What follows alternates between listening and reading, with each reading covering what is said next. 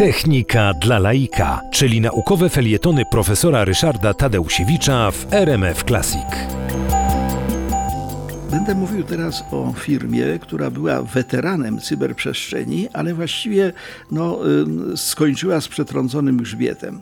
Y, chodzi o portal Yahoo, który pisany jest koniecznie z wykrzyknikiem. Ten wykrzyknik jest elementem y, nazwy, który powstał no, na 4 lata przed Google i miał podobne znaczenie i podobne zastosowanie. To była taka wyszukiwarka internetowa z 1994 roku.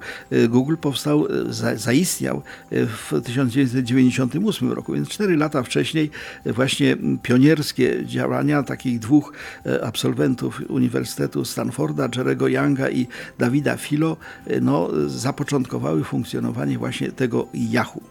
Nazwa dosyć dziwna, potem ją tam próbowano wytłumaczyć, że to jest skrót od Yet Another Organized Oracle, czyli jeszcze jedna hierarchicznie zorganizowana wyrocznia.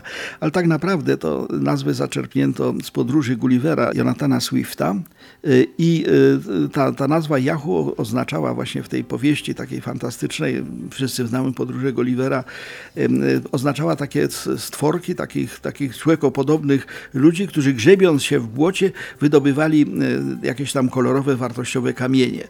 W związku z tym właśnie ta, ta, ten, ten serwer Yahoo miał grzebać w tym błocie internetu i wygrzebywać pożyteczne rzeczy. Początkowo te, te usługi były edytowane przez ludzi, potem w 1995 roku powstała automatyczna wyszukiwarka, nazywała się Yahoo Search.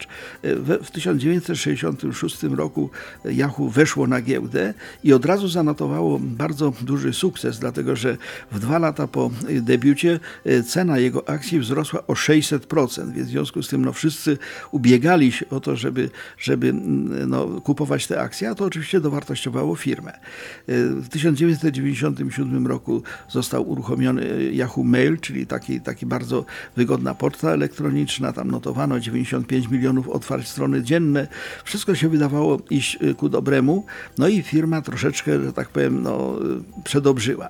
Mianowicie, czując właśnie ten, tą potęgę, ten, ten, to mnóstwo pieniędzy, najpierw zakupiła taką, tak, taką firmę Rocket Mail, potem za, za 97 milionów dolarów.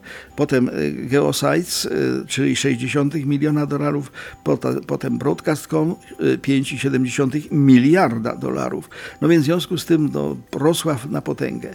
I w związku z tym cena akcji tej, tej firmy, firmy Yahoo, no i stojącego za nią portalu, wzrosła do 119 dolarów. Ten najwyższe notowanie było 3 stycznia 2000 roku. Ale potem nastąpił krach.